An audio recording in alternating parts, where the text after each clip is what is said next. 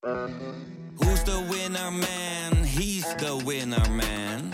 Is hij miljonair? Geen idee, maar nou en. Je hebt geen jackpot nodig to be a winner man. Oh oké, dat is wel lekker man. Kijk, het gesprek begon ogenschijnlijk over het onrecht dat mensen wordt aangedaan als er zo'n vernietigende recensie wordt geschreven.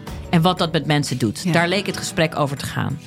Maar gaandeweg, en dat is dankzij goed redactiewerk van mijn eh, redacteur destijds, blijkt dat die test niet deugt. Via podimo.nl slash gonzo luister je de eerste 30 dagen gratis naar Podimo. podimo.nl slash gonzo.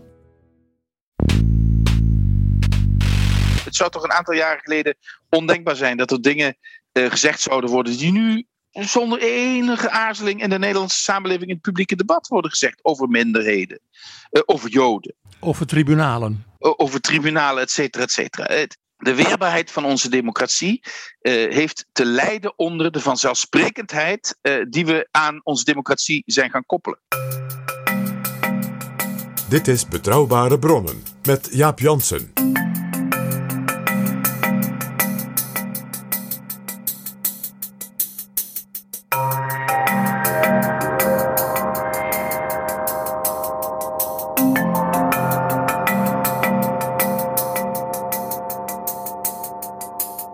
Hallo, welkom in Betrouwbare Bronnen, aflevering 244. En welkom ook PG. Dag Jaap.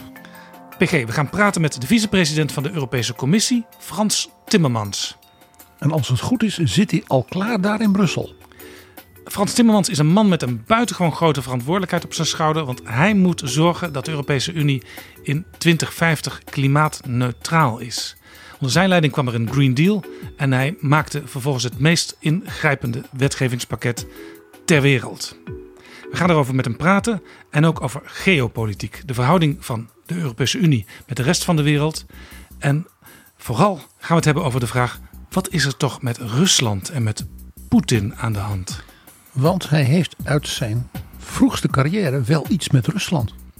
Ja, ik heb hem ooit leren kennen, PG, toen hij tweede secretaris was als 30-jarige op de Nederlandse ambassade in Moskou. Dus dat was nog in de tijd van de val van de Sovjet-Unie.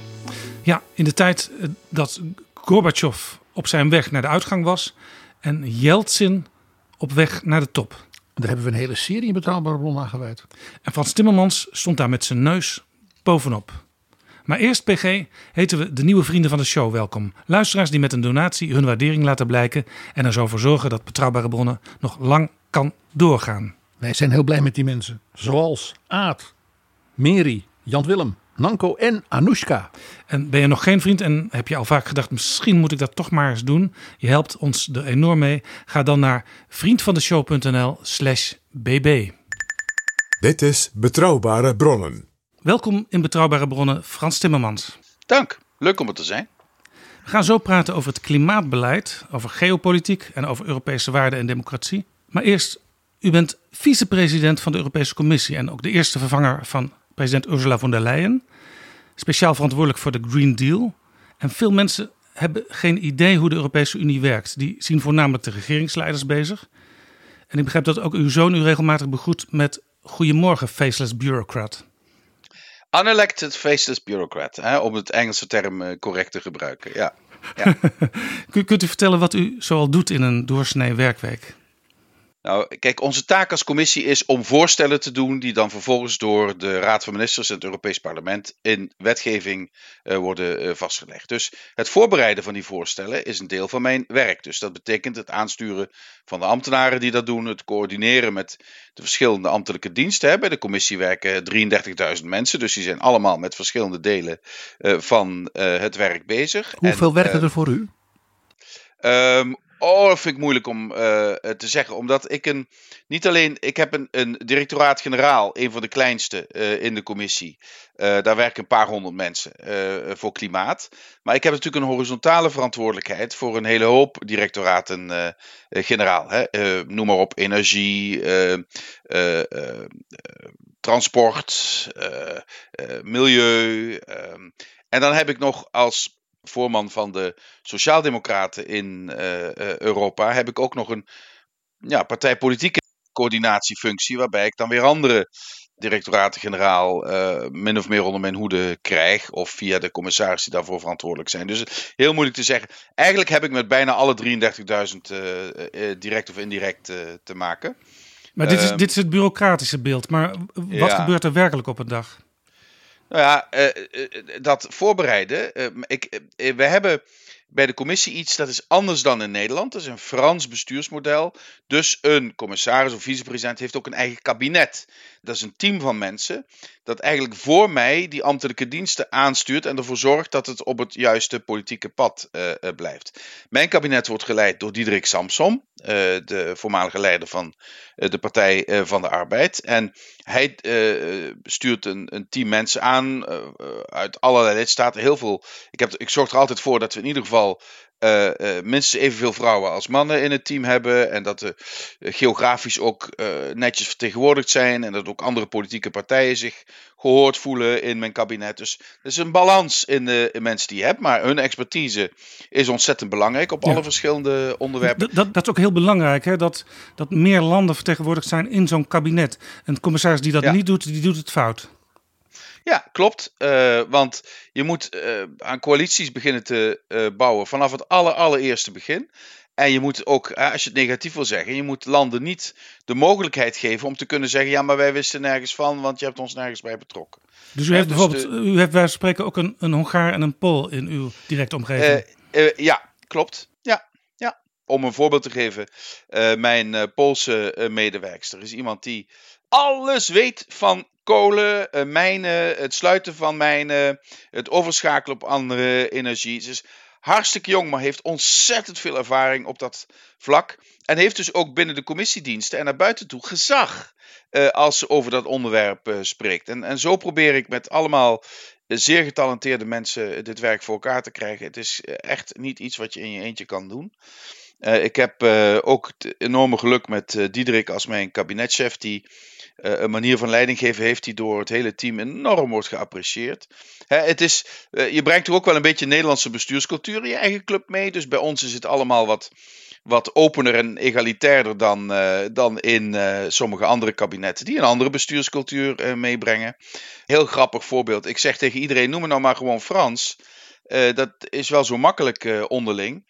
Uh, en uh, de meesten uh, kunnen dat zonder enige moeite. Maar er hebben ook een aantal mensen, zeker van de zeg, meer administratieve staf, die daar moeite mee hebben. En die weten dan niet wat ze moeten zeggen. En dan, uiteindelijk hebben we als compromis gevonden, zeg dan maar gewoon bos. Als je, als je, maar niet Mr. Timmermans de hele tijd of Mr. Vice President. Vice President Monsieur le commissaire. Dat werkt gewoon niet. Uh, dus, dus, dus uh, het grappige is, hé hey, hey Bos, uh, wordt het dan. Ehm, dat is bijna Frans, zeg maar. voor, voor die landen waar, waar, waar men daar, voor die culturen waar men daar iets meer moeite mee heeft. Maar zo brengen we ons ook, ook een beetje ons eigen stempel erop, Nederlands stempel erop. En dat, is, dat bevalt me wel, eerlijk gezegd. Ja, bovendien, de Bos, daar heeft u ook wel wat mee. Absoluut, ja. Bruce Springsteen. maar daar wil ik me zeker niet mee vergelijken. Hoe anders ja. is het dan het ministerschap? Nou, het is anders omdat. Kijk, in Nederland werk je in een, in een monoculturele omgeving. Hè? Dat, dat, in, in termen. Nou praat ik niet over, over uh, de samenleving. Maar het bestuur in Nederland is monocultureel in de zin van bestuurlijk. Niet in de zin van de bredere cultuur, maar hoe je bestuurt.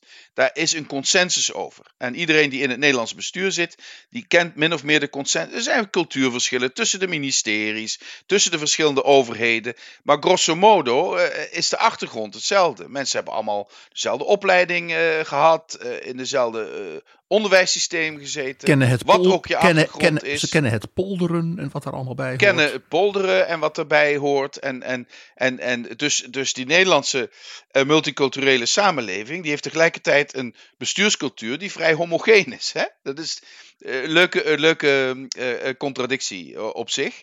Nou, dat heb je hier natuurlijk niet. Je hebt hier natuurlijk het feit dat we met heel veel landen werken, is de cultuur van Brussel. En uh, die cultuur die is oorspronkelijk zeer Frans geïnspireerd vanaf het allereerste begin. Maar die is natuurlijk zeker na, na 2004, na de uitbreiding, is die enorm veranderd. Is die enorm veranderd met veel meer facetten, waardoor de basis, het fundament is nog wel steeds wat de commissie ooit was.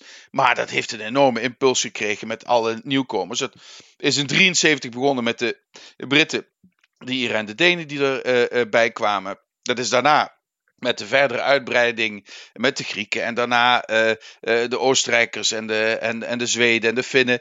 Uh, en uiteindelijk natuurlijk die hele grote bubs in 2004 is dat, is dat zeg maar afgedreven van het oorspronkelijke en is nu echt Europees. En het grappige is ook dat de lingua franca overduidelijk Engels is en niet Frans. Wat is de grootste verandering die u in die periode dat u er zegt heel dicht bovenop zit, hè, 14, misschien ook al als minister, dat u zegt dat is de grootste verandering ten opzichte van zeg maar, die wereld van voor 2004? Nou ja, ik, ik heb nog uh, voor uh, Hans van den Broek gewerkt hier. Hè? Uh, dat was een heel grappig systeem. Kabinetten die zijn beperkt in aantal mensen die je erin mag hebben. Hij wilde heel graag de eerste Europese minister van Buitenlandse Zaken worden. En hij had behoefte aan wat expertise met name ook uh, Rusland uh, kennis. En toen werd uh, mij gevraagd, ik was toen net een jaartje terug uit Moskou. Zou jij Hans daarbij willen, willen helpen? Natuurlijk, de baan die ik op BZ had was niet zo leuk. Dus ik vond het natuurlijk prachtig om dat te mogen gaan doen. En toen kwam ik hier, maar het had geen plaats in het kabinet. En dan heb je een systeem wat nu, ik weet niet of het nog bestaat. Ik ken het niet, ik heb het zelf niet. Maar dat heet dan uh, een onderzeeër, een sous-marin in het Frans. Dat is dan iemand die dan niet meer in het kabinet past, maar da dan een plek vervult in een van de ambtelijke diensten. Maar in feite rechtstreekse link is met het kabinet. En die uh, functie vervulde ik op Rusland in dat zogenaamde DG1A, zoals het toen nog heette. Nu, nu is dat allemaal uh, External Action Service, buitenlandse dienst, zeg maar van uh, de commissie. Ja, dat was nog een hele andere bestuurscultuur. Hè. Dat was, dat was uh, nog heel erg uh, Frans geïnspireerd. Enorm hiërarchisch. Pyramidaal. Zeer piramidaal. Kijk, een, een DG in de commissie is eigenlijk vergelijkbaar uh, met de minister in de nationale uh, regering. Uh, ze hebben zich op een gegeven moment, de DG's, ook zo'n houding aangemeten. commissarissen zijn maar passanten, wij zijn de baas hier.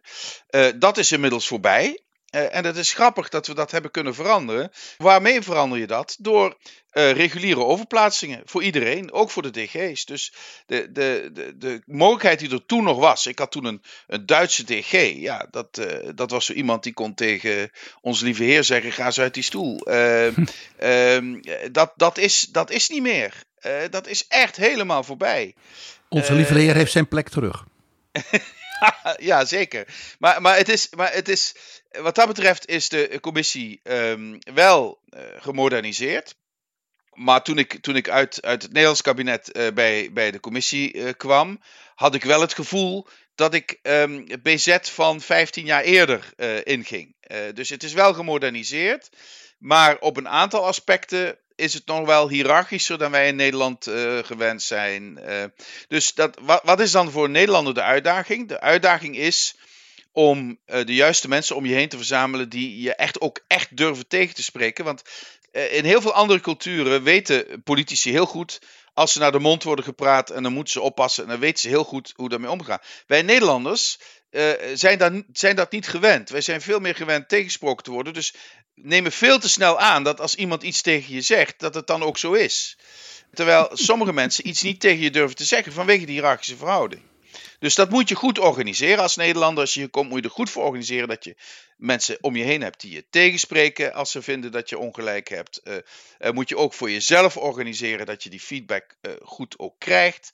Dat je ook de veilige omstandigheden creëert. dat je mensen dus niet op hun falie geeft als ze eens een keer een foutje maken. Dat je ze dan ook steunt kijk, dat, dat zijn dingen die, die probeer ik dan uh, in te brengen. En dat op zich werkt dat. Tenminste, uh, bij mij werkt dat uh, heel. Ik heb echt een heel fijn team. Het werkt heel fijn samen. Ik ben alleen bang dat ik ze veel te hard laat werken. Dit is uw tweede commissie. De eerste was onder leiding ja. van Jean-Claude Juncker. En nu werkt u als eerste vicepresident onder Ursula von der Leyen. Is daar ook een verschil tussen die commissie en deze? Ja, afgezien van het feit dat ik een ander onderwerp uh, uh, behartig. Uh, kijk, het is een enorm presidentieel systeem, dit systeem. Hè? Dat, dat zijn wij in Nederland ook niet gewend. Het grappige is dat de Nederlandse bestuurscultuur ook in de richting van de Europese is opgeschoven. Want de macht die een minister-president in Nederland nu heeft, de facto, is veel meer dan wat in de Nederlandse grondwet staat. Dat, dat fabeltje van primus inter pares is natuurlijk al lang uh, achterhaald door de feiten. En daar heeft de Europese Unie een grote invloed op gehad door de ontwikkeling van de Europese Raad. Europa um, verandert Torbekke. Nou, ik, ik denk het wel. Uh, maar niet alleen Europa, ook ja, de mediale uh, samenleving, waarbij mensen behoefte hebben aan één gezicht. Dat dan. Kijk, uh, er is zo'n tijd geweest, uh, Max van der Stoel kon daar mooi over vertellen. Den Uil mocht niks zeggen, tenzij Van der Stoel hem daar toestemming voor gaf in Europa. Geweldig. Want de minister van Buitenlandse Zaken was de baas. Ja, Those were the days. Dat kunnen we ons op dit moment niet, niet meer voorstellen. Dat hielp Den Uil dan ook niet om meer Europees te gaan denken? Nee, nee, nou, nou had hij daar toch al niet zoveel last van, van Europees uh, denken. Traditioneel in de sociaaldemocratie is er altijd een, een uh, zeker Drees uh, vond dat heel sterk. De Europese samenwerking is een corporatistisch complot van katholieken. Hè? Dus de, de, dat Eén grote Roomse samenzwering. Ja, dat was, dat was bij Drees zeker de gedachte. En, en breed in de Nederlandse politiek was natuurlijk Nederland heeft historisch gezien, daar kun je eeuwen teruggaan, altijd moeite gehad met betrokken raken bij continentale politiek. Liever niet. En uh, Europese samenwerking is natuurlijk in essentie continentale politiek. Dat zien we vandaag de dag uh, ook. Um, en dus heeft Nederland zich vanaf het allereerste begin ingezet voor het lidmaatschap van het Verenigd Koninkrijk van dit samenwerkingsverband. om dat continentale element te verzachten of, of in, een, in een andere context te zetten. Vandaar ook dat Nederland, denk ik, van alle lidstaten het meest geraakt is door het vertrek van het Verenigd Koninkrijk. Niet alleen economisch, maar ik denk ook politiek en misschien ook wel maatschappelijk. Maar terugkomend op, op de bestuurscultuurcommissie. U vroeg wat is het verschil Juncker-von der Leyen. Omdat het zo'n enorm presidentieel systeem is, is natuurlijk ook de persoon van de president belangrijk voor hoe het werkt. En dit zijn natuurlijk twee totaal verschillende persoonlijkheden. Waarin blijkt dat voor u vooral? Nou, kijk, um, Jean-Claude Juncker was iemand die. Uh, kijk, politiek is altijd een balans tussen uh, hart en verstand. En uh, bij hem was het hart heel dominant. met een heel gezond verstand hoor. Hele slimme man. En, en bij Ursula is toch het verstand veel meer dominant. Ehm, dat is, is, ik, misschien, maar misschien zoek ik er te veel achter het is misschien ook wel uh, een cultureel verschil hè, tussen uh, een Noord-Duitse protestante uh, president en een, en een, en een, een, een, een katholiek uit het Rijk van het Midden, om het maar even in Carolingische termen te, te stellen. en natuurlijk, iemand zoals Jonker, die staat cultureel, maar ook politiek, uh, dichter bij mij. Juncker was toch van, van alle christendemocraten die ik ooit heb gekend, de meest linkse, de meest uh, dichter bij uh, sociaal-democratisch gedachtegoed. En, en wij hadden een, een, een, een goede vriendschap. dus dat, dat is anders werken dan met iemand die veel zakelijker is, zoals president von der Leyen. En betekent dat ook dat bij u soms het hart, het verstand in de weg zit? Ik zoek altijd een balans. Uh, maar uh, ik ben uh, iemand die inderdaad uh, heel veel op gevoel doet. voor mij is, gevoel in de politiek heel belangrijk.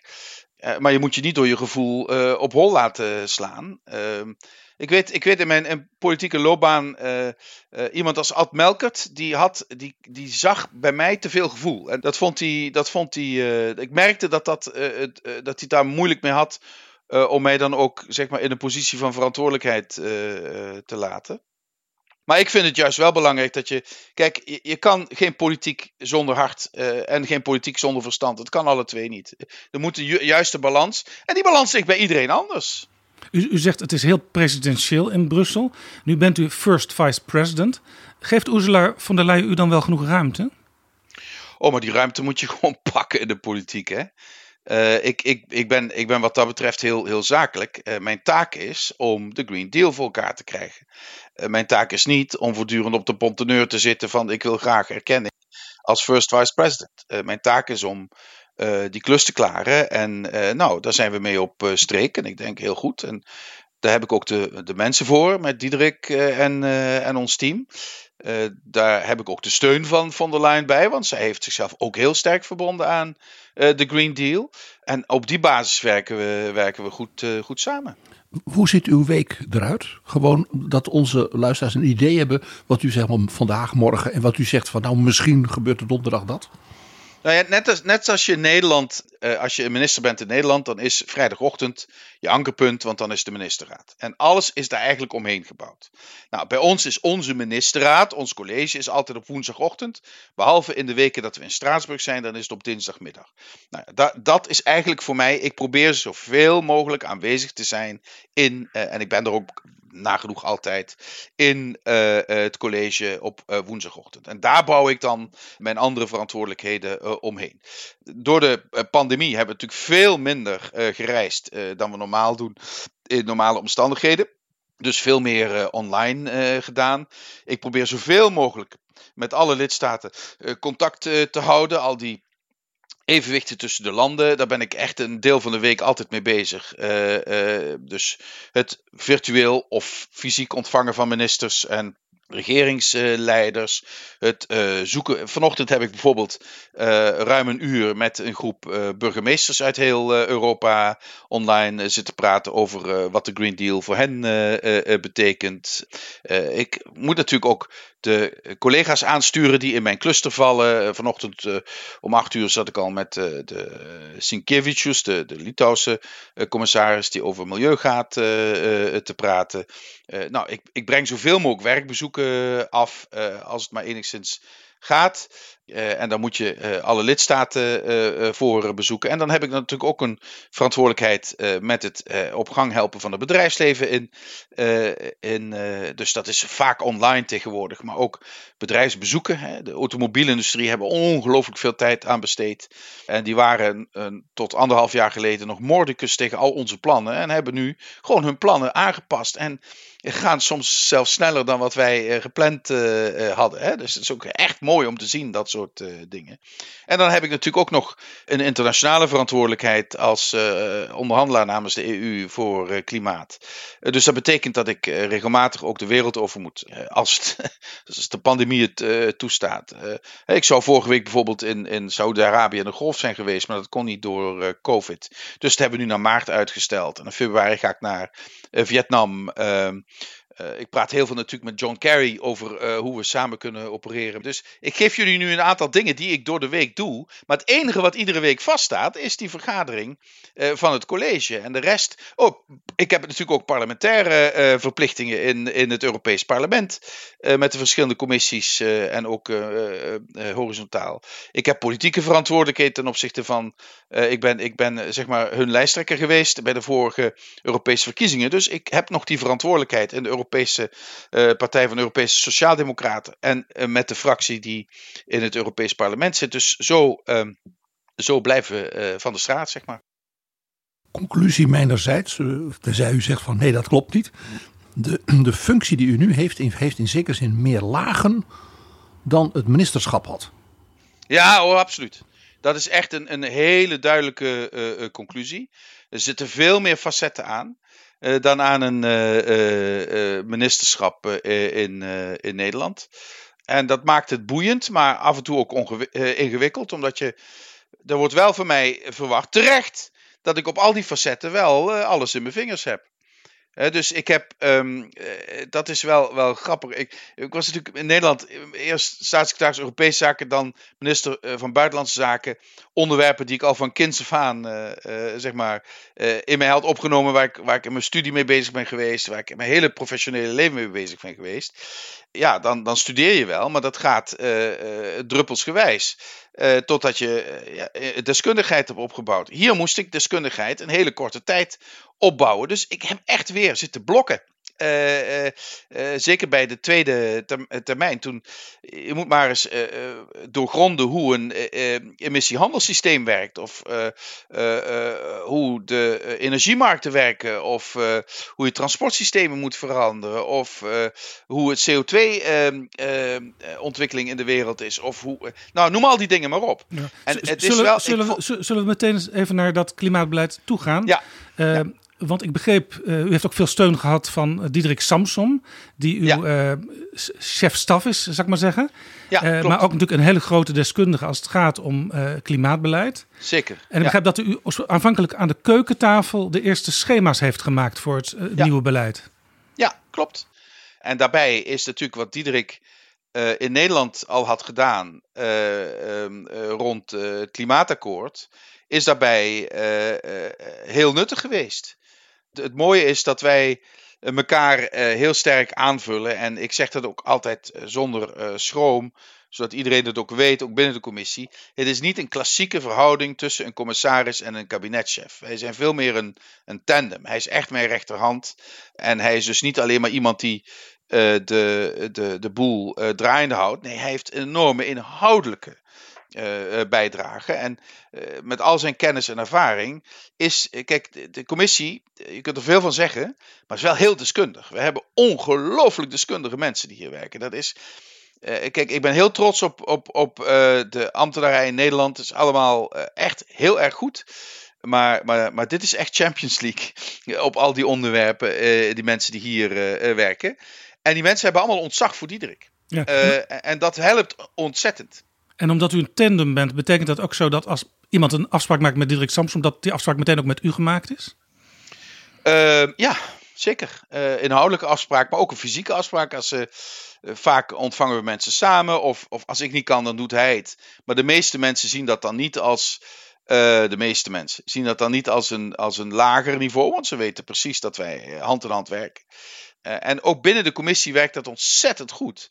Omdat hij, kijk, want dat college, net zoals je onderraden hebt eh, in, eh, de in het Nederlands systeem voordat iets in de ministerraad komt, heb je hier, dat heet dan HEBDO, dat is de vergadering van eh, kabinetchefs, die bereidt het college, de collegevergadering voor. En in, dat, in die groep van kabinetchefs chefs, is natuurlijk de kabinetchef van de president degene die de toon zet, de meeste eh, positie heeft. Maar Diederik heeft zowel vanwege mijn formele positie, maar vooral vanwege zijn inhoudelijke kennis, daar een gigantisch eh, gezag. Ehm, en zonder dat eh, hadden wij ook dat Fit for 55 eh, nooit voor elkaar kunnen krijgen. Ja, Fit for 55. U heeft een enorm omvangrijk wetgevingspakket geschreven. Dat moet behandeld worden in het Europees Parlement, maar vooral ook natuurlijk in, de, in alle lidstaten, in alle 27. Hoe stimuleert u die lidstaten en, en hoe helpt u die lidstaten om inzicht te krijgen in het probleem? Nou, de- wij stellen al onze ambtelijke diensten ter beschikking van de lidstaten. hè, Want het gaat over zoveel verschillende aspecten. Daar hebben wij allemaal verschillende ambtelijke diensten voor. Allemaal verschillende directoraten-generaal eh, voor. Eh, die staan open voor eh, iedere discussie met welke expert dan ook uit de lidstaten. Politiek proberen we dat ook aan te sturen door heel, met heel veel ministers te spreken. Mij gaat het er vooral om om te wijzen op de lange termijn positieve effecten voor iedere lidstaat van dit programma. Natuurlijk lopen ook wel eens tegen politieke grenzen aan. eh, en, en worden dit soort onderwerpen ook vermengd met andere onderwerpen. ehm, eh, maar daar komen we waarschijnlijk nog over te spreken. Eh, dat maakt het allemaal wat lastiger. Nou, dan zoek je naar andere mensen die ehm, er een direct belang bij zien, of een indirect belang. Vaak in het bedrijfsleven. En bedrijfsleven zit toch, hè, daar heeft men toch echt, zeker het grote bedrijfsleven, de knop omgezet. Eh, en de grote investeerders hebben de knop, die willen graag groen investeren. Het grote bedrijfsleven willen ook graag in een groene ontwikkeling, zien ons als partner daarin. En ook via hen kunnen we eh, vaak eh, overheden beïnvloeden. Het land waar, we, waar ik nu ben, daar is de, de, de Vlaamse overheid politiek, partijpolitiek aarzelend op delen van het eh, klimaatbeleid. Dan zeg ik Ja. het heel voorzichtig. Daar zit de NVA ook in. Precies, maar, maar het Vlaamse bedrijfsleven is juist heel enthousiast. Dus dan is het voor mij belangrijk om dat Vlaamse bedrijfsleven, dat heel veel kansen daarin ziet, ook te, te, te helpen met, met ideeën die zij dan weer met de bedrijfsvriendelijke Vlaamse regering kunnen bespreken. Dus, dus zo, zo werken die dingen ook wel eens ja, via de band. Het is soms een beetje biljart. U heeft in feite dus 27 lidstaten. En die op die manier allemaal, als het ware, in hun eigenheid moet overtuigen. Absoluut. Ja. En dus die parlementen in sommige landen, België zelfs meerdere. Het is geen superstaat hè, waar u. Uh, nee, nee, nee, nee, nee, nee. Uh, gelukkig niet, zou ik willen zeggen. Um, kijk, ook omdat. Ik heb niet voor niks weer met heel veel burgemeesters zitten praten vanochtend. Uiteindelijk, uiteindelijk zal het klimaatbeleid uh, staan of vallen bij de gratie van onze burgers. En die burgers die wonen in gemeenten. En die gemeenten die moeten uh, uh, vooruitgang boeken. Die moeten de vergunningen geven voor zonnepanelen, voor windmolens. Die moeten helpen bij het renoveren van woningen. Die moeten de transportsystemen emissievrij maken. En, en dat moeten wij vanuit Europa faciliteren. Ehm, en, en daar zit natuurlijk allerlei lagen zitten daartussen. maar uiteindelijk wordt het op straat, op de pleinen, in de huizen, uh, in de steden, in de gemeenten, op het platteland bepaalt of dit gaat slagen of niet. U, u hebt dus de werkgevers als bondgenoot, u hebt uh, de burgemeesters misschien nu als bondgenoot. Uh, maar, maar, neem bijvoorbeeld een land als Polen, dat nog heel erg afhankelijk is van kolen. Nou, u wel af van alles wat met koolstof te maken heeft. Hoe neemt u zo'n Poolse regering mee? Nou, kijk, die, industrie in Polen, die weet dat kolen geen toekomst uh, hebben. Uh, dat zeggen ze zelf ook. De mijnwerkers in Polen, er was laatst een, een EO-programma. Die waren in Silesië gaan kijken en, en, praten met mijnwerkers. En dan waren ze zelfs verbaasde programmamakers. De mijnwerkers zeiden, ja, wij weten ook wel dat dit een aflopende uh, zaak is. Alleen wij willen graag geholpen worden naar een nieuwe economie toe. En dat is onze rol om, om die transitie mogelijk te maken. En daar kan Europa bij helpen, omdat er een sterk gevoel is van solidariteit, ook tussen lidstaten. Um, uh, iedereen weet dat een land als Polen, Bulgarije, Roemenië, die nog zo van kolen afhankelijk zijn, die hebben een hardere uh, klus uh, dan een land als Oostenrijk, waar 75% van de stroom al hernieuwbaar is. Dus dat weten we. En daar zijn ze ook bereid voor om daar solidariteit in te tonen. Net zoals we dat sinds het einde van de Europese deling met de structuurfondsen ook hebben uh, gedaan. Maar dan uh, ja, komt er toch ook een, een politiek element in. In Polen zitten ook mensen in de regering die zeggen: er is helemaal geen klimaatcrisis. Of er zitten mensen in de regering die zeggen: kolen, ja, daar hebben we nog wel de tijd voor. En onze taak is dan om ook de regering te wijzen op de voordelen die zij kunnen hebben in samenwerken hiermee. Want op dit moment gaan er natuurlijk miljarden Pools belastinggeld. Uh, worden gestoken in het openhouden van kolenmijnen. Terwijl de Poolse energieindustrie uh, kolen koopt in Rusland. Hè? Dus, dus als je eens. Uh, laatst was er een rapport vorige week. hoeveel miljarden zloty. al naar Rusland zijn verdwenen om energie daar te kopen. Ja, dat, dat vind ik de beste reclame voor de energietransitie. Want Poolse burgers kopen massaal zonnepanelen op dit moment. Daar kan je in investeren. Je kan offshore wind, kan Polen in investeren, doen ze ook. Hoe minder je afhankelijk bent van, van eh, fossiele brandstoffen, hoe lager de prijs is voor de energie voor je burgers. En hoe minder je ook politiek uh, chantabel bent door uh, uh, buitenlandse krachten. U heeft trouwens zelf ook natuurlijk wel een machtsmiddel. En dat is de begroting. Hè? U kunt Polen ook helpen met investeringen. Ja, zeker. En, en er is geen land in de Europese Unie dat als je alles bij elkaar pakt, de structuurfondsen, uh, de recoveryfondsen die we nu uh, hebben gemobiliseerd voor het herstel na, na de pandemie, de transitiefondsen die er zijn, het sociaal klimaatfonds dat we willen instellen. Als je dat allemaal bij elkaar pakt, dan heb je het over toch een kwart ongeveer uh, van het Poolse binnenlands product. Moet je eens kijken wat dat een enorme hulp is. En, en Polen heeft een sterke economische groei. Maar die economische groei is ook het resultaat van structuurfondsen die heel effectief uh, werken. Dat is overigens ons voordeel. Hè? De structuurfondsen die in Polen zijn geïnvesteerd leiden tot een transformatie van de Poolse economie en een groei van de Poolse economie, waardoor men ook weer meer dingen in Nederland uh, kan kopen. Uh, hè, dus het is, ook een, eh, het is ook gewoon verlicht eigenbelang hoor. Het is geen, het is geen ehm, aalmoes. Het is juist in ons belang dat alle Europese landen zich ontwikkelen op een manier die onze hele economie sterker maakt. Over Nederland gesproken. Nederland hoeft niet meer overtuigd te worden als je tenminste het coalitieakkoord leest. Rutte zegt zelfs: Nederland wil klimaatkampioen worden. Hoe kan Nederland dat realiseren? Nou, dat heeft Nederland nog wel een hele eh, eh, klus te klaren. Ehm, eh, en en ik, vind het, ik, vind, ik vind de ontwikkeling bij premier Rutte interessant en boeiend. Van eh, eh, niet te wild mensen naar klimaatkampioen is ja, ja, interessante ontwikkeling. Ja, Rutte had oorspronkelijk Ehm, een houding van het moet wel gezellig blijven. Ja, we moeten kunnen blijven barbecuen, was geloof ik een concreet voorbeeld dat hij gaf. Ehm, en zijn uh, toenmalig, de, de huidige minister van Justitie, die zei bij de presentatie van onze plannen, ja, het moet wel haalbaar en betaalbaar zijn. Dat was een van de meest zuinige reacties die we uit heel de Europese Unie op onze plannen kregen. Nou, dat is nu veranderd. Eh, mooi. Uh, alleen, uh, Nederland heeft natuurlijk wel een achterstand opgebouwd. Bijvoorbeeld bij hernieuwbare energie. Als je dat vergelijkt met het Europees gemiddelde. Nederland kan dat nu wel inhalen, is daar ook mee bezig. Maar ja, we zijn een heel dicht bevolkt land. We zijn kampioen polderen, dus soms duren dingen wat langer bij ons. Alleen, ze duren wat langer, maar op het moment dat je een akkoord hebt, heb je ook iedereen mee. Dat is dan het enorme voordeel ervan. Maar er is nu echt geen tijd meer te verliezen. En met name bij de energietransitie.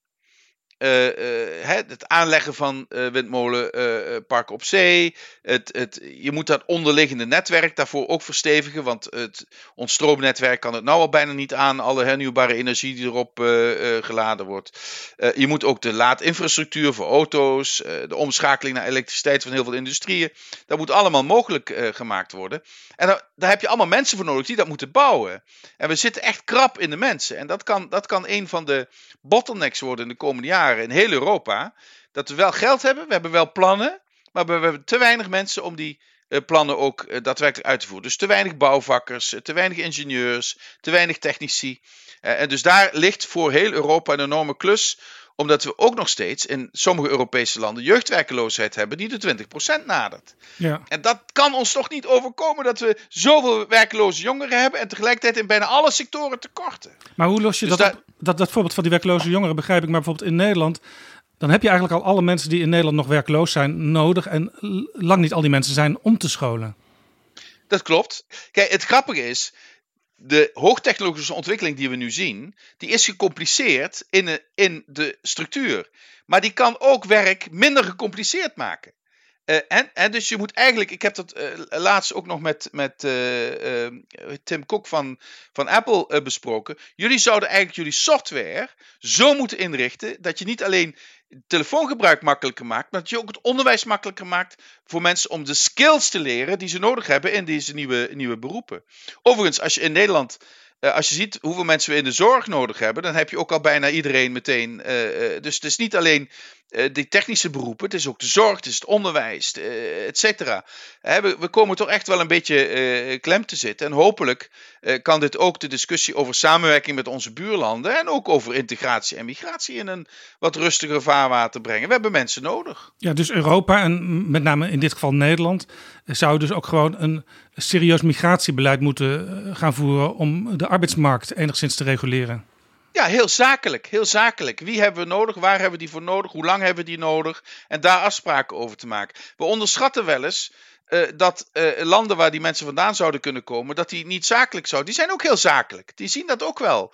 En dan, dan heb je een aantal mensen, eh, mensen hier die een aantal jaren hier zijn, die een expertise meebrengen. Sommigen zullen blijven, anderen nemen die expertise weer mee naar waar ze vandaan komen. Je moet er zakelijk over kunnen praten. En Ja, toch Kijk, durven heel veel leiders hun vingers er niet aan te branden. Hè? Want je, je zou ook kunnen zeggen, de, de brexit komt mede voort uit mensen die een hekel kregen aan al die Polen bij hun in de straat. Ja, ehm, eh, nou ja, goed, dat is weer een hele andere eh, discussie waar de Brexit vandaan komt. Er zijn heel veel factoren. Eh, ik denk dat, er, dat daar ook een hele belangrijke rol speelt. Dat door het ultraliberale beleid van Thatcher mensen überhaupt het gevoel hebben dat ze controle over hun eigen lotsbestemming kwijt waren. En dus via zich afzetten tegen buitenlanders, eh, take back control eh, een gezicht konden geven. Maar loss of control ging natuurlijk niet alleen over de EU of migratie, ging over de hele ontwikkeling van, eh, van de samenleving. Hè? Dus de paradox is eigenlijk dat door het beleid van Thatcher de brexit kwam... en dat daardoor de conservatieven nu de allergrootste zijn in het Britse parlement. Nou ja, omdat, omdat de, de briljante slogan van Take Back Control niet alleen gebaseerd is op we zijn, we zijn uh, macht verloren aan uh, de Europese Unie. Maar ik ben ook de macht verloren over waar, wat voor toekomst hebben mijn kinderen? Uh, kan ik mijn huis nog wel betalen? heb ik nog wel werk? Dus het, het gevoel van je verliest controle over je eigen lotsbestemming ging veel dieper dan alleen maar de EU. Alleen het kreeg daar uh, het kreeg daar een referentiepunt. Het, kreeg daar, het, het, kristalliseerde uit rond de vraag: moeten we lid zijn van die Europese Unie, ja of nee? En ja, dat was op basis van een land dat vanaf het allereerste begin uh, uh, half in, half uit was. Hè? Ja, dus dat is ook de grote vraag nu voor politici, maar ook voor u. Hoe nemen mensen zo bij de hand dat ze zelf ook het idee krijgen: ik heb weer invloed op het leven en op de toekomst ook van mijn kinderen? Dat is de aller, allergrootste vraag. Waar de politiek uh, voor staat. De klimaatcrisis maakt dat natuurlijk allemaal nog veel erger. Want dat is echt letterlijk existentieel. Kunnen we dit overleven? En dus mensen in staat stellen die klimaatcrisis te beheersen. Op een manier waarvan iedereen zegt: ja, we nemen iedereen mee. En het gebeurt op een eerlijke manier. Is waarschijnlijk de grootste politieke uitdaging. Waar mijn en de komende generatie politici voor staat. Mag ik daar een heel concreet voorbeeld van geven? In het, dat betreft het thema biomassa. In het Nederlands coalitieakkoord staat, opmerkelijke zin, namelijk eh, er mag alleen biomassa in Nederland komen die uit de EU komt. Want dan kun je controleren of het wel nette biomassa is. Alleen uw kabinetchef Diederik Samson zei in juni vorig jaar in de Tweede Kamer, ja draai er nou niet omheen. Er is geen scenario denkbaar, ik citeer hem letterlijk, waarbij 100% duurzame energie wordt opgewekt zonder gebruik te maken van zulke biomassa. Dus wat doet Nederland nu? Nederland beperkt het als het ware en ondermijnt daarmee, misschien wel met de beste bedoelingen, die klimaatdoelen. Hoe gaat u daar nou met zo'n dilemma om? Nou ja, Nederland zegt dus niet, we zijn principieel tegen biomassa, maar het moet Europese biomassa uh, zijn. Maar ja, dus daar hebben we dus niet genoeg bossen voor. Uh, nou, um, Kijk, um, wat ons betreft moet het duurzame biomassa zijn. Uh, en dat is vandaag nog niet gegarandeerd. Dus waar wij aan werken is een voorstel uh, waarin we kunnen bewijzen dat we duurzame biomassa uh, kunnen gebruiken. Dat is dus, hè, als je in een bos komt, niet geen bomen omzagen, maar het hout wat daar ligt meenemen of ander biologisch materiaal, afvalhout, et cetera. daar het in zoeken en dat ook proberen met onze internationale partners voor elkaar te krijgen. Dus geen biomassa door de ontbossing, maar biomassa van biologisch materiaal dat, dat eigenlijk opgebruikt is in de natuurlijke omstandigheden. Dus dat, raakt dat, zullen we dat... moeten, dat zullen we moeten zien te definiëren. Dat is razend ingewikkeld. Ik ben de eerste om dat toe te geven. Maar we hebben die biomassa, zoals Diederik zei, nodig als we onze klimaatdoelen willen halen. En dat raakt dus meteen ook weer zeg maar, de internationale handelsverdragen van de EU want die zijn niet meer nationaal. Met bijvoorbeeld nou ja, landen die dus heel veel van dat soort biomassa exporteren. De Verenigde Staten bijvoorbeeld. Zeker. Uh, het is een. Uh, het is, uh, kijk, onze handelsverhoudingen zullen ook duurzaam moeten worden ingericht. Dat weten onze handelspartners ook. Dat is ook wel duidelijk gebleken in de conferentie in Glasgow. ze weten dat het die kant op moet. En als wij tegen Europese boeren zeggen: jullie moeten duurzaam produceren en tegelijkertijd blijven we niet duurzame producten importeren uit de rest van de wereld, dan zeggen die boeren ook, ja, maar dat is niet eerlijk. dus we moeten ervoor zorgen dat de eisen die we aan duurzaamheid uh, uh, in Europa stellen, dat we die ook onderdeel maken van de afspraken die we met derde landen maken. En soms is dat moeilijk. U kent de discussie over, over palmolie. Uh, heel ingewikkeld. palmolie kan duurzaam, maar is het nog lang niet. het principaal altijd afwijzen van palmolie is makkelijk om te doen, maar is ook niet ver tegenover uh, landen als Indonesië en Maleisië. Maar met Indonesië proberen we nu ook afspraken te maken. Hoe kun je die industrie verduurzamen? Hoe kun je ons laten zien dat je niet aan ontbossing doet, maar dat je de mangroven beschermt, zoals Indonesië wil, dat je aan herbossing uh, doet. En in die context kan voor bepaalde uh, voedingssupplementen dan misschien nog wel palmolie worden geïmporteerd. Maar het moet onder condities, het moet onder voorwaarden. En dat is ingewikkeld en dat is altijd een moeilijke verhaal. Uh, ook naar buiten toe dan het verhaal van verbied het nou maar allemaal gewoon. Dat is lekker makkelijk. Uh, uh, dan hebben we een schoon geweten. Maar ja, mijn geweten wordt er niet schoon van als ik daarmee landen onnodig zou benadelen. Landen die proberen juist duurzaam te produceren. Dus dit is ook een reden waarom u permanent in gesprek bent met, u noemt nu Indonesië, maar bijvoorbeeld ook China, de Zeker. Verenigde Staten. Ja. Een tijdje geleden hadden we in Betrouwbare Bronnen de Nederlandse watergezant Henk Ovink te gast. En die zei, in de klimaatplannen van de Europese Commissie ontbreekt water als topprioriteit. Hij zegt, de Green Deal moet ook een Blue Deal worden. Bent u dat met hem eens? Ah, dan zou die iets preciezer eh, eh, moeten zijn. Kijk, wij, wij zetten ons ehm, eh, bijvoorbeeld in voor het eh, verklaren van natuurgebied van 30% eh, van onze oceanen. Zodat daar. onze ervaring is namelijk in Europa, als je zeeën en oceanen een tijdje met rust laat, dan herstellen die zich razendsnel. Visbestanden, koraal, et cetera, kan zich heel snel herstellen als je het met rust laat. Dus we zijn, onze inzet is ook in de eh COP-conferentie over biodiversiteit in, in China, is onze inzet ook om daar wereldwijde afspraken over te maken. Dus in die zin ehm, zijn we wel degelijk met, met eh, de blauwe planeet eh, bezig. Maar waar we nog heel veel werk in zullen moeten doen, is het voorkomen doorgronden. En dat, is, dat, dat doen we bijvoorbeeld in onze adaptatiestrategie wel al. Van wat is nou de rol van water in dat hele klimaatprobleem? Want een van de gevolgen van de klimaatverandering is dat je op sommige plekken eh, eh, veel te weinig water zult hebben. eh, en, en sommige plekken op aarde daardoor, eh, waar nou nog ehm, vele miljoenen mensen wonen, onleefbaar worden. En die mensen gaan dus ergens anders naartoe trekken. En sommige plekken je veel te veel water in één keer kunt krijgen, waar ook weer mensen door sterven en misschien moeten vertrekken daar. Hè?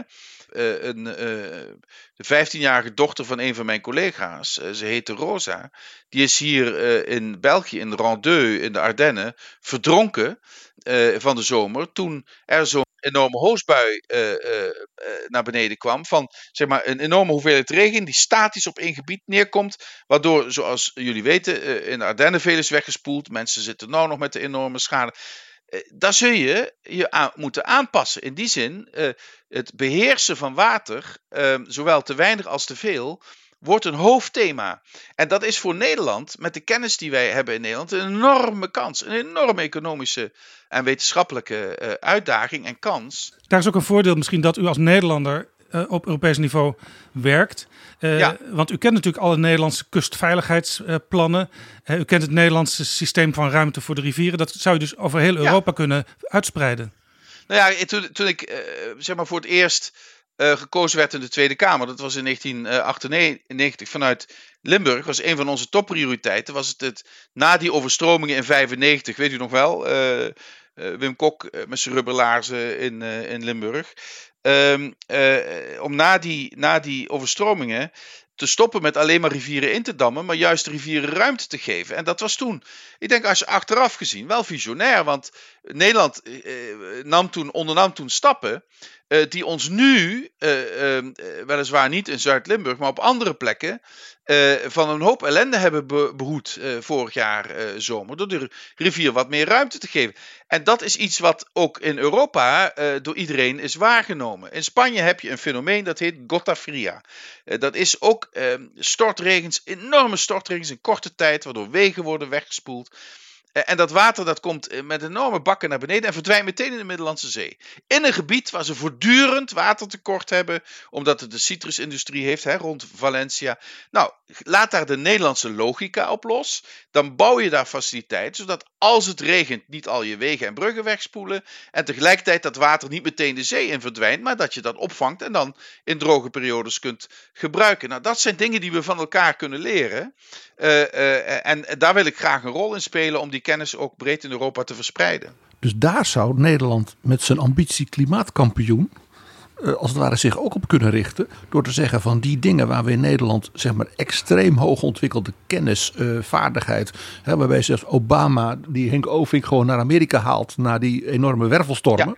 Dat je zegt van daar zou Nederland dus de kampioen ten gunste van de anderen kunnen worden. Ja, het is ook niet, niet voor niks dat, dat het vorige kabinet, onder leiding eh, ook van Rutte, eh, heeft besloten om eh, Nederland een hoofdrol te laten spelen bij wat we dan noemen die adaptatie. Het aanpassen aan de klimaatverandering die er al is. Dat was heel lang een taboe onderwerp. Hè, want het, kijk, als je je aanpast aan de klimaatverandering, dan kan je de indruk wekken dat je eigenlijk capituleert voor de klimaatverandering. Hè. Dus dat was altijd een moeilijk onderwerp. maar nu weten we dat je twee dingen moet doen. Je moet de, de, de eh, temperatuurstijging eh, eh, afremmen door veel minder emissies. Door de landen die heel veel emissies hebben, die moeten echt reduceren. Maar je moet tegelijkertijd ook je nu al nu aanpassen aan de klimaatcrisis die er al is. En, en dat is een mondiale prioriteit geworden. Waarom? Neem een continent als Afrika. Is verantwoordelijk voor misschien 3% van de wereldwijde emissies. Maar heeft wel uh, de meeste ellende van de klimaatcrisis over zich heen gekregen. Met overstromingen, met uh, sprinkhanenplagen, met mislukte oogsten, met weer dat totaal onvoorspelbaar is, met een moesson die twee maanden duurt, et cetera, et cetera. Dus, dus ehm, de landen die, die nauwelijks verantwoordelijk zijn voor CO2-uitstoot, bijna niks. Die zijn wel het grootste slachtoffer uh, van de klimaatcrisis. En die vragen dus ook om meer inspanning bij adaptatie. Nou, en dat vind ik voor Nederland een enorme kans. Tot slot nog even als we het over klimaat hebben. Uh, Nederland uh, worstelt steeds meer met de luchtvaart. We hebben natuurlijk Schiphol, een grote luchthaven. We hebben KLM, nog steeds een relatief grote maatschappij. maar Schiphol is ook vooral een overstaplocatie. Is dat het model voor de toekomst? Ja, ik denk het wel. Als je Schiphol kunt verduurzamen, wat Schiphol ook graag wil. En als je de luchtvaart kunt verduurzamen. Kijk, ik ben niet. Ik, ik, ik wil graag dat we uh, onnodige korte vluchten, dat we die schrappen en dat we dan de trein pakken. Dat wil ik ontzettend uh, graag. Maar ik ben niet iemand die denkt dat die mensen uh, kan uh, overtuigen om niet meer te gaan vliegen. Of die wil dat we minder reizen. Alleen het moet wel duurzamer. Dus dat wil zeggen massaal investeren in andere vormen van brandstof. Want voorlopig zullen we in de luchtvaart voor een groot deel ook verbrandingsmotoren nodig hebben. Investeren in nieuwe technologieën, of het nou elektrisch is of brandcel gebaseerd. In de luchtvaartindustrie, Airbus doet dat al, Boeing zal dat ook zeker gaan doen. en tegelijkertijd ook alles eromheen uh, uh, verduurzamen. Nou, dat is denk ik een, een, een pad dat Schiphol, dat de KLM, dat luchtvaart in het algemeen ook op kan. Ik moet zeggen, anderhalf jaar, twee jaar geleden was er nog heel veel weerstand tegen. nu zit ook, ook omdat de Amerikanen natuurlijk een ander beleid zijn gaan voeren, zit de luchtvaartindustrie wel steeds meer op dat spoor. Maar het is een van de sectoren waar het het aller, aller moeilijkst is. En in die context uh, is er voor uh, Schiphol, uh, is er voor de KLM ook wel ja, een, een, een, een rol om te laten zien dat het ook kan. Het zal ingewikkeld zijn, maar ik, ik zie daar toch wel mogelijkheden voor. Ja, helemaal tot slot bij dit onderwerp. Op de klimaatconferentie in Glasgow slaagde u met hulp van anderen er uiteindelijk in om alle landen die ertoe doen toch op één lijn te krijgen. dat was niet door iedereen verwacht. Aan het eind van dit jaar, in november, is er in Sharm el-Sheikh weer een klimaatconferentie. Wat moeten daar de prioriteiten worden? Nou, die prioriteiten, omdat het in Afrika is, zullen de Afrikaanse prioriteiten ook een rol spelen in de voorbereiding. En die hebben heel erg te maken met wat ik daarnet zei, die klimaatadaptatie. Dus de grote vervuilers, die zullen twee dingen moeten laten zien. Eén, dat ze hun eigen vervuiling uh, terugdringen. En dat betekent dat China eh, zich niet kan verschuilen achter het feit dat het een ontwikkelingsland is. Daar kijken we niet naar. We kijken naar wie heeft de meeste uitstoot. En China heeft de meeste uitstoot. Dus die heeft een uh, speciale taak om die ook terug te dringen, net als wij. Dat is één. Maar belangrijker nog dat we de solidariteit uh, met de landen in ontwikkeling die niet verantwoordelijk zijn voor uitstoot, maar wel de gevolgen heel sterk ondervinden, dat we die concreet maken. Dus dat we laten zien dat de 100 miljard per jaar die uh, hun beloofd is jaren geleden, nu ook uh, op tafel uh, ligt. En dat we van uh, een groter deel van dat geld aan die klimaatadaptatie uitgeven. Dus die landen ondersteunen bij het hun weerbaarheid verhogen tegen de klimaatcrisis die er al is.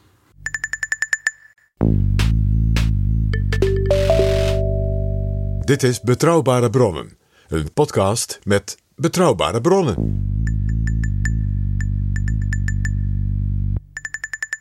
Frans Timmermans, de commissie van der Leyen, waarvan u vice-president bent, die wil een geopolitieke commissie zijn. Wat is dat, een geopolitieke commissie? Dat betekent dat je je rol ook op het wereldtoneel uh, uh, uh, speelt. Eh, in een wereld die zo rap verandert. Hè. We zijn strakjes nog maar 4% van de wereldbevolking. de groei is elders zo groot dat we ook economisch relatief eh, minder belangrijk zijn. Als je dan in die veranderende verhouding je waarden en de wijze waarop je uh, samenleving uh, uh, ingericht is overeind wil houden, een samenleving die overigens voor grote delen van de wereld nog steeds het grote voorbeeld is, dan zul je op gelijke hoogte met de grote wereldspelers moeten kunnen praten. En dan kun je heel nostalgisch zijn over eh, hoe machtig je vroeger was als individuele lidstaten. Maar je moet je wel realiseren dat geen enkele lidstaat groot genoeg is om op gelijke hoogte met de grote spelers, of het nou China is, of de Verenigde Staten of India, eh, eh, te spreken. Dus dat moet je op Europees niveau zien te organiseren. En er is maar één ding dat dat in de weg staat, en dat is het gebrek aan eensgezindheid tussen de Europese lidstaten op dat ja, vlak. Dus Daar, daar zegt Nederland, Rutte zegt daar nu over, we moeten eigenlijk zonder de noodzaak van consensus kunnen besluiten. Dus een meerderheid gaat besluiten. Daar bent u het ongetwijfeld mee eens. Ja, maar ik, ik, je moet dat ook wel een beetje relativeren. eh, in de buitenlandse. Kijk, als je bij wetgeving bij meerderheid besluit, dat is duidelijk. Hè, dat is, dan, dan ligt er een wet en die is voor iedereen toepasbaar, et cetera, et cetera. Bij buitenlandse politiek gaat het niet om een wet, dan gaat het om standpunten. En dan is, dan is die unanimiteitsregel, die is ja, maar formeel eh, minder belangrijk eh, dan bij, bij wetgeving. Alleen, je moet elkaar dan wel de ruimte bieden. En daar zit soms een probleem dat ehm, eh, sommige lidstaten, om hen moverende redenen, eh, eh, liever geen Europese positie hebben dan een Europese positie die ingaat tegen hun eigen eh, positie. En daar zullen we een, een, een oplossing voor moeten vinden. Dat je de Europese Unie ook bijvoorbeeld met als 26 eh, min 1 eh, kunt laten opereren, maar dan toch namens de hele Europese Unie. Daar wordt aan gewerkt, maar we zijn nog niet eh zover. En ja, kijk, de diversiteit van de Europese Unie is eh, onze kracht, maar op dit vlak ook wel eens onze, onze zwakte. De gesprekken internationaal die zijn soms moe- moeizaam. De Amerikanen en de Chinezen die eh, zijn soms helemaal niet in gesprek. Rusland die wilde heel graag in gesprek met Amerika. maar Europa hangt daar dan een beetje tussen. Hoe kijkt u op dit moment naar de situatie in Oekraïne? Ik, heb- ik heb laatst in de eh, NAVO-raad eh, ook verwezen naar wat Nederland in 1713 eh, overkwam bij de onderhandeling over de eh, eh, vrede van, eh, van Utrecht. Eh, dat de, de Franse gezant eh, zei: Ja, we gaan over jullie praten, bij jullie thuis over jullie praten, maar zonder jullie. Sur vous, chez vous, sans vous. Eh, dat eh, mag en kan Europa niet eh, overkomen. Eh, dat is de Amerikanen inmiddels eh, ook duidelijk. Hè? Dus er is nu echt heel intensief contact, eh, dagdagelijks, met de Amerikaanse minister van Buitenlandse Zaken. Hij is toevallig ook vandaag, geloof ik, in de, in de raad met alle Europese ministers van Buitenlandse Zaken. Dat was aan het begin iets minder, maar dat is ook wel, vind ik. ehm, ik vind ook dat de Amerikanen daar. ehm, eigenlijk in de, in, in de val van Poetin zijn getrapt. Omdat het is al, al, al nu een aantal jaren beleid eh, van Rusland. om net te doen alsof er geen Europese Unie is. Want Rusland doet natuurlijk veel liever zaken. met verschillende Europese hoofdsteden. Want dat is, dat is eh, en heers. Eh, en eh, verschillende Europese hoofdsteden.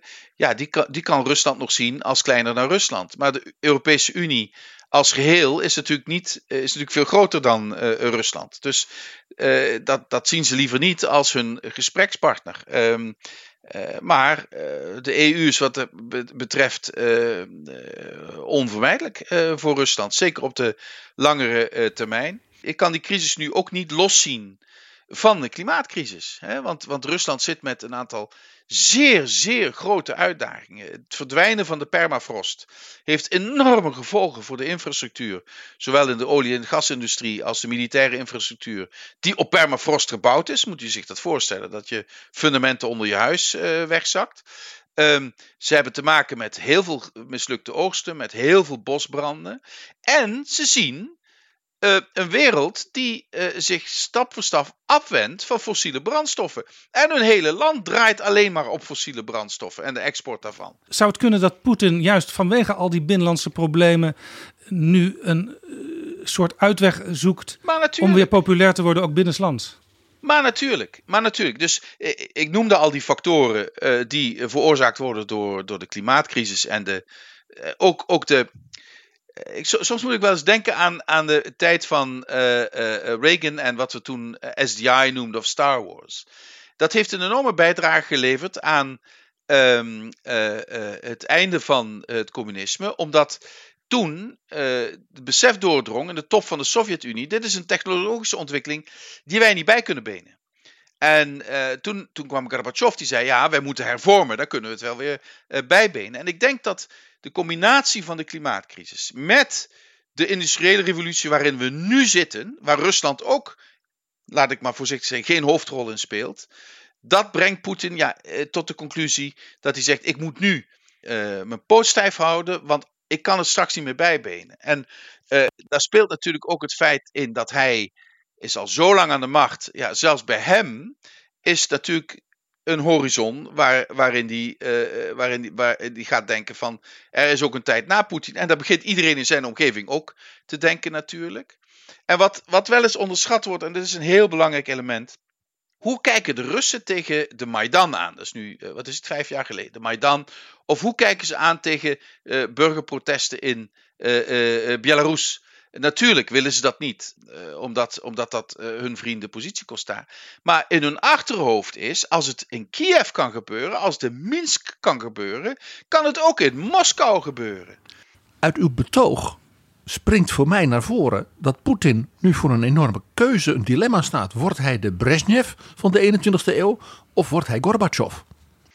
Het probleem voor Poetin is natuurlijk dat hij heeft gekozen eh, voor restauratie als leidend principe. Hè? Het, is, uh, het is puur reactionair. Uh, hij, toen hij de macht overnam, zocht hij naar um, ja, wat iedere natie nodig heeft: een, een missie. Zeker, zeker landen en systemen met een missionaire instelling, zoals de Sovjet-Unie ook was, hebben dat nodig. En hij heeft een alliantie gesloten uh, met uh, de Russische Orthodoxe Kerk. Hè, dat was dan de, de, uh, de Russische motivatie. En dan de, de, de grootsheid van de Russische en ook Sovjetgeschiedenis. hij gaat zover dat hij zelfs Stalin restaureert. Hè. Die mag niet meer als de, de massamoordenaar worden afgeschilderd die die was.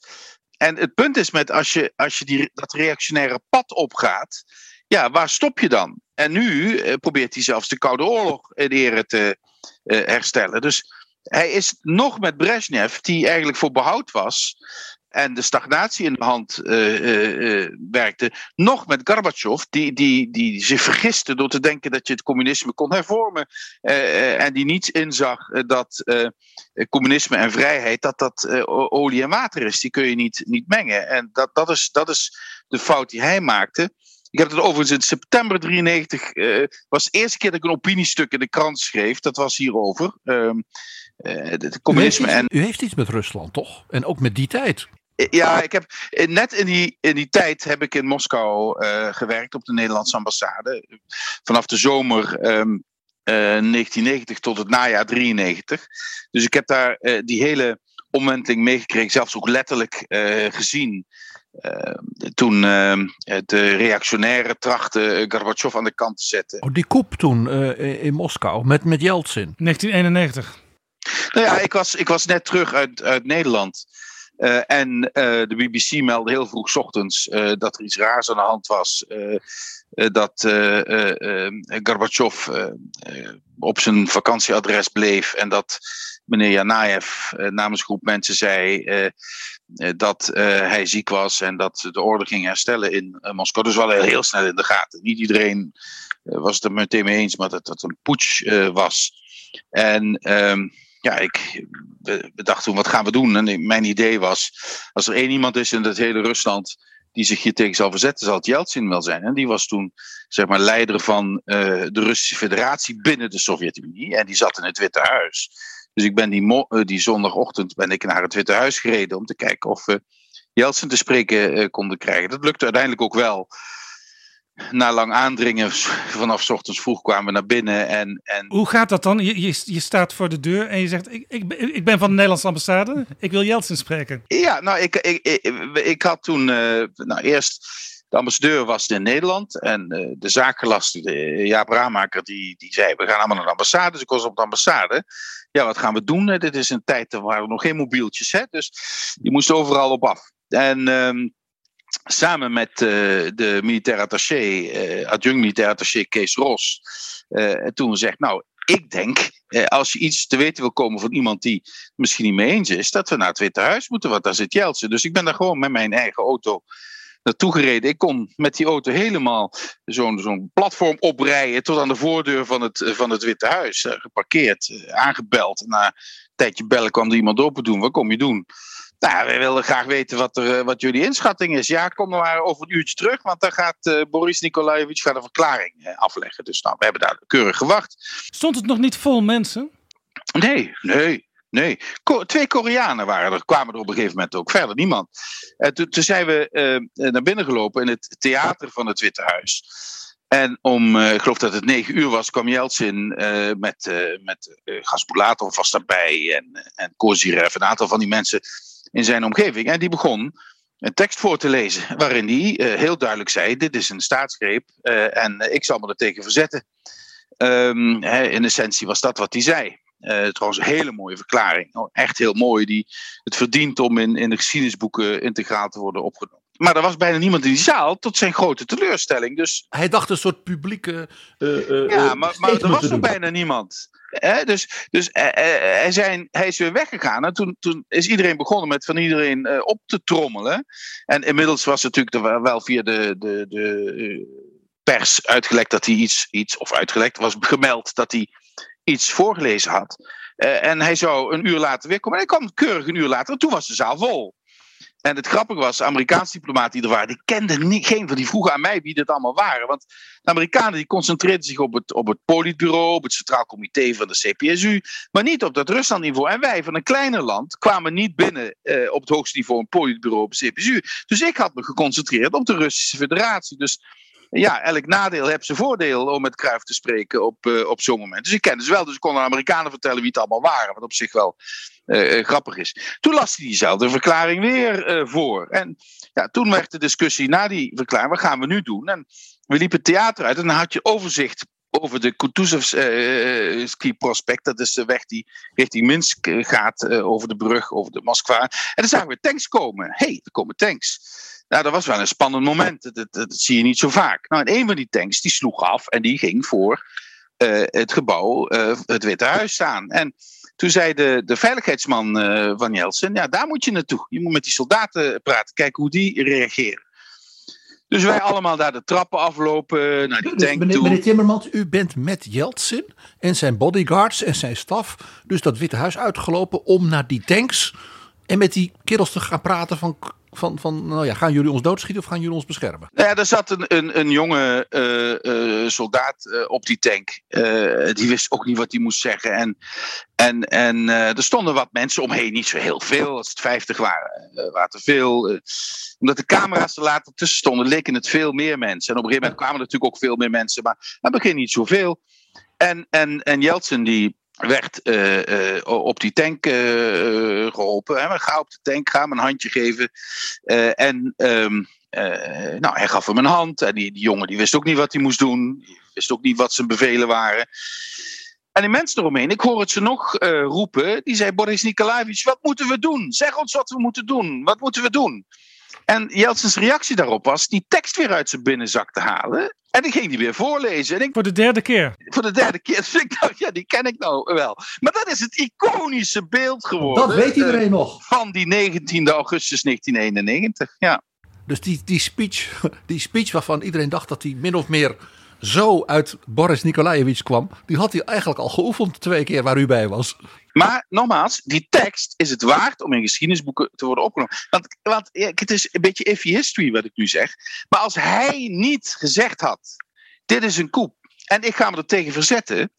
Dan hadden die koeplegers, wat een stelletje prutsers bij elkaar waren trouwens, uh, hartstikke bezopen en ik weet niet wat allemaal. Die hadden gewoon uh, een paleiskoep zoals ze zo vaak al hadden plaatsgevonden uh, kunnen laten slagen. Laten we niet vergeten dat de Franse president toen Mitterrand, die had al een, een telegram gestuurd van leg contact en um, toon begrip, ik weet niet wat allemaal. Dus, dus, dus daar is, hè, wat je ook van, van Jeltsin mag vinden, uh, hij heeft daar heldenmoed getoond. Want al die mensen, want ik sprak ze allemaal daar, uh, hem en al de mensen om hem heen, uh, die waren ervan overtuigd dat ze het einde van de dag niet zouden halen. Die waren ervan overtuigd dat ze voor het einde van de dag zouden worden opgepakt en weggevoerd. En dit was hun manier om nog één keer hun stem eh, te laten horen. Dat zie, achteraf weet je dat allemaal niet, want je denkt, oh, dat is toen na die drie dagen en het was allemaal gepruts. Maar die mensen die uit het Sovjet-systeem eh, kwamen, die de brutaliteit, de genadeloosheid, de gewetenloosheid van het systeem kenden, die dachten op dat moment allemaal, nou, we kunnen nog één keer brullen als leven en dan gaan we de kooien. Uh, of nog erger. Mevrouw Gorbachev, Raisa Maximova zoals werd genoemd, die was ervan overtuigd dat ze het niet levend zouden ervan afbrengen. Ja, ja en, en ik was erbij en ik kan dus getuigen van het feit dat ze dat echt dachten. Dat zeiden ze ook tegen mij. Met, met, en, en dat is moed, dat vind ik moed. Um, ze hadden ook zich kunnen verstoppen, weg kunnen uh, lopen, uh, zich, er, zich erin kunnen schikken, een rol voor zichzelf erin kunnen vinden. Had allemaal gekund. Maar Jeltsin deed dat niet. Jeltsin deed dat niet. En hè, we hebben natuurlijk nu een heel ander beeld van de man door zijn drankgebruik en hoe, het, uh, hoe, hoe zijn overdracht naar Poetin is gegaan. Ik weet niet wat allemaal, de corruptie. Allemaal waar. Maar op het moment dat het erop aankwam, had hij de moral fiber om nee te zeggen. Terwijl hij dacht, dat uh, ga ik met uh, de dood bekopen. Deze gebeurtenissen die leiden tot het einde van de Sovjet-Unie. Poetin die vindt het einde van de Sovjet-Unie het allerergste wat Rusland is overkomen. Hoe staat Rusland er nu voor in de geschiedenis? Het is natuurlijk zo dat, dat voor alle anderen was het einde van de Sovjet-Unie een bevrijding. Maar natuurlijk niet voor de Russen. Overigens, omdat het ook gepaard ging met hyperinflatie, met totale chaos. Uh, iedereen was zijn spaargeld meteen kwijt. Um, uh, dus voor hen, voor, voor Russen, was democratie stond gelijk met chaos. En markteconomie gelijk met corruptie. Dus het was voor hem heel makkelijk om dan een valselijk ideaalbeeld te gaan schetsen van de pre-chaos situatie. dus uh, ik denk dat, dat uh, ach, je kan het Westen niet zo verschrikkelijk veel uh, verwijten daarin, maar de angst voor instabiliteit van Rusland was zo groot in het Westen dat um, het meewerken met, ook met, met, met lieden die duidelijk uh, ja, corrupt waren, een beetje met lange tanden, maar toch gedaan werd uit angst voor die instabiliteit. En, en dus als hij nu zegt, uh, het Westen wilde de Sovjet-Unie weg hebben, Rusland, het tegendeel was waar. Ik weet nog goed dat ik begon met te melden intern. Ik was jong en, en hè, ik was 30 net. En ik had al, ik, reisde veel en ik sprak met veel mensen. En toen ik begon te melden, ja, dit is het einde van de Sovjet-Unie. Ja, daar zeiden mensen tegen nee, natuurlijk niet. Uh, want dat is niet goed voor hen en het is niet goed voor ons. Nou, dat het niet goed voor ons is, daar kan ze echt niks schelen. Maar in sommige processen maakt het niet uit of het goed is of niet. Die processen die hebben een eigen loop uh, als ze een zekere dynamiek hebben. En dat is op dit moment, vind ik ook het risico met Oekraïne. Zelfs als niemand echt gewapend geweld zou willen, kan, het toch, kan je toch in een situatie terechtkomen dat het aan het rollen gaat in Moskou en dat het dan niet meer te stoppen is.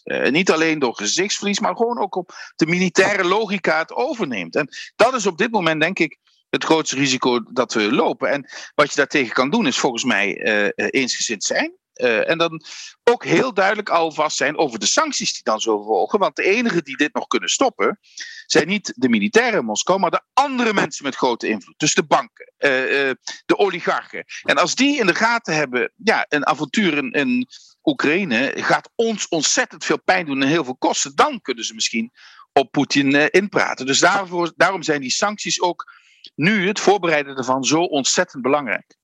Mag ik een rare suggestie doen? Misschien moet Olaf Scholz Gerhard Schreuder op Poetin afsturen en dat die het hem duidelijk maakt. Uh, ja, dat zou geen suggestie zijn die ik uh, zou volgen. Want uh, Schreuder die is het al met Poetin eens voordat hij naar Moskou vertrekt. Dus ik denk dat. Kijk, ik heb, zoals u, u weet, veel met ze te maken gehad. je moet. De enige manier waarop je respect van de Russen krijgt, is als je ferm bent. En iedere vorm van toegevelijkheid wordt als zwakte gezien. Niet als een aanbod, maar als zwakte. En als je niet kunt verplaatsen in die manier van redeneren, heb je al verloren voordat je begonnen bent. Dus nu moet je ferm zijn. Ferm en duidelijk is het enige wat werkt. Misschien een geluk bij een ongeluk voor de Europese Unie is dat de Unie zelf door deze situatie uh, weer eensgezinder wordt. Ik mag het hopen. Ehm, er zijn natuurlijk nog uh, verschillende uh, uitgangspunten nu. Niet iedereen is het ermee eens. Sommige landen willen nu al sancties voordat Rusland iets gedaan heeft. Andere landen die zijn, met name Duitsland, zeer terughoudend, omdat de gevolgen verregaand zijn. Maar ik ben ervan overtuigd, en want dat is mijn ervaring dan met MH17 op het moment dat de Russen iets uitspoken wat zo schandalig is, is Europa eensgezind, ook in het instellen van uh, uh, sancties. En er is geen manier voor de Russen om militair actief te worden in Oekraïne zonder dat het enorme, enorme repercussies heeft. Terecht. En het is ook meteen zichtbaar, want dit kunnen ze niet verstopt doen. Dit zal gefilmd worden, getoond worden. Hier zullen slachtoffers vallen. En dan de reactie van Europa en het Westen zal ferm zijn. Daar heb ik geen enkele twijfel over. In die tijd, 1991, dachten we als het goed gaat, dan worden de Russen onze bondgenoot. Dan treden ze in feite toe tot eh, ook Europa als waardegemeenschap. Dat wordt vaak gezegd, hè? Europa is een waardegemeenschap. Dat is natuurlijk een vrij abstract beeld. Maar klopt dat wel echt als je ziet dat sommige landen, ik noem Polen, ik noem Hongarije, toch als het gaat over democratie en rechtsstaat, ja, eh, toch een wat afwijkende houding hebben op dit moment, om het, om het zacht te zeggen? Dat komt omdat uh, in Polen en Hongarije uh, partijen aan de macht zijn. Die ook in andere lidstaten actief zijn en soms sterk zijn. Dus het is echt geen Oost-Europees fenomeen. Als Le Pen de verkiezingen wint in Frankrijk, krijg je in Frankrijk precies hetzelfde. Dus ik ben altijd. Het zijn juist de Polen en de Hongaren die net willen doen of dit een Oost-West iets is. En met andere woorden, de waarden van de Europese Unie zijn West-Europese waarden. Jij moet ons, onze waarden kunnen, die zijn anders we mogen nooit in die val trappen. Het is zo leugenachtig. De bewegingen die daar aan de macht zijn, die hebben we ook in Nederland, die hebben we ook in Frankrijk, die hebben we ook in Duitsland, hoewel uh, het, gewicht, het gewicht van de geschiedenis ze kleiner houdt. Uh, die hebben we ook in Oostenrijk, die zijn zelfs aan de macht geweest in Oostenrijk. Uh, die hebben we ook in Italië, zijn ze ook in de macht geweest, zijn ook een opkomst in uh, Spanje. In hemelsnaam, dit is geen Oost-Europees fenomeen, nog alleen een Oost-Europees probleem. Laat staan iets tussen Oost en West. We hebben er allemaal mee te schaften. En we hebben er allemaal, moeten we onze rug terecht voor houden en de tegenspreken.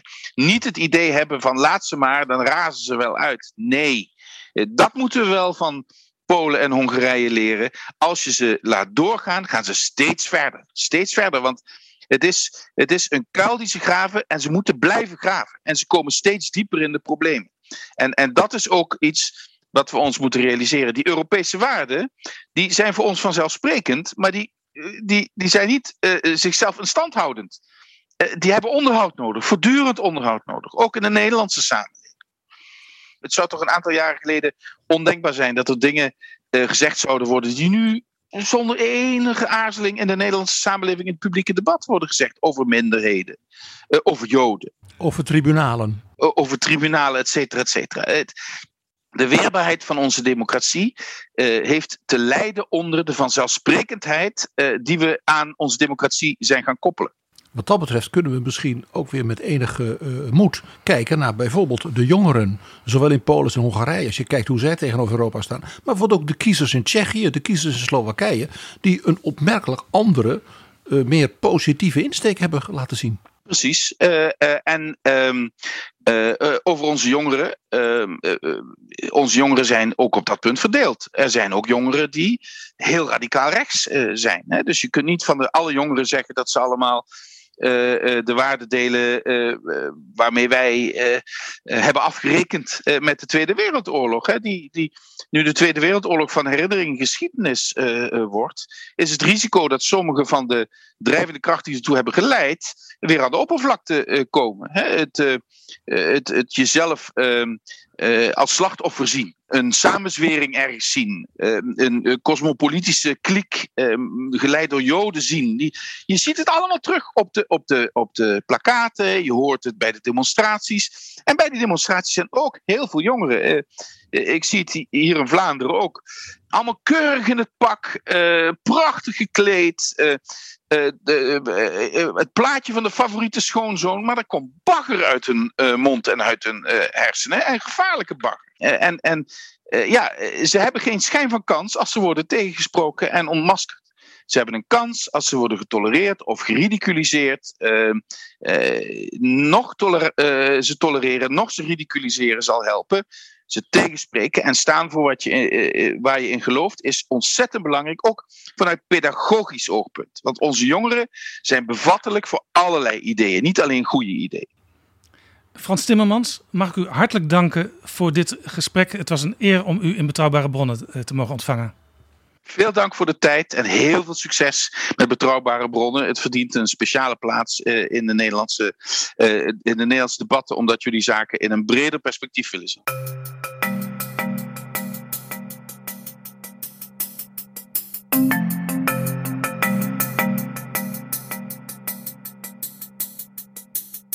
Zo, dit was Betrouwbare Bronnen aflevering 244. Deze aflevering is mede mogelijk gemaakt door de Europese Unie en natuurlijk door de vrienden van de show. Wil jij ook vriend worden? Dat kan met een donatie, een klein bedrag, via vriendvandeshow.nl/slash bb. In de beschrijving van deze aflevering vind je links naar eerdere edities, onder andere naar een gesprek dat ik had met Diederik Samsom en naar de aflevering waarin PG vertelde over Boris Yeltsin. Tot volgende keer. Betrouwbare bronnen wordt gemaakt door Jaap Jansen in samenwerking met dag en nacht.nl.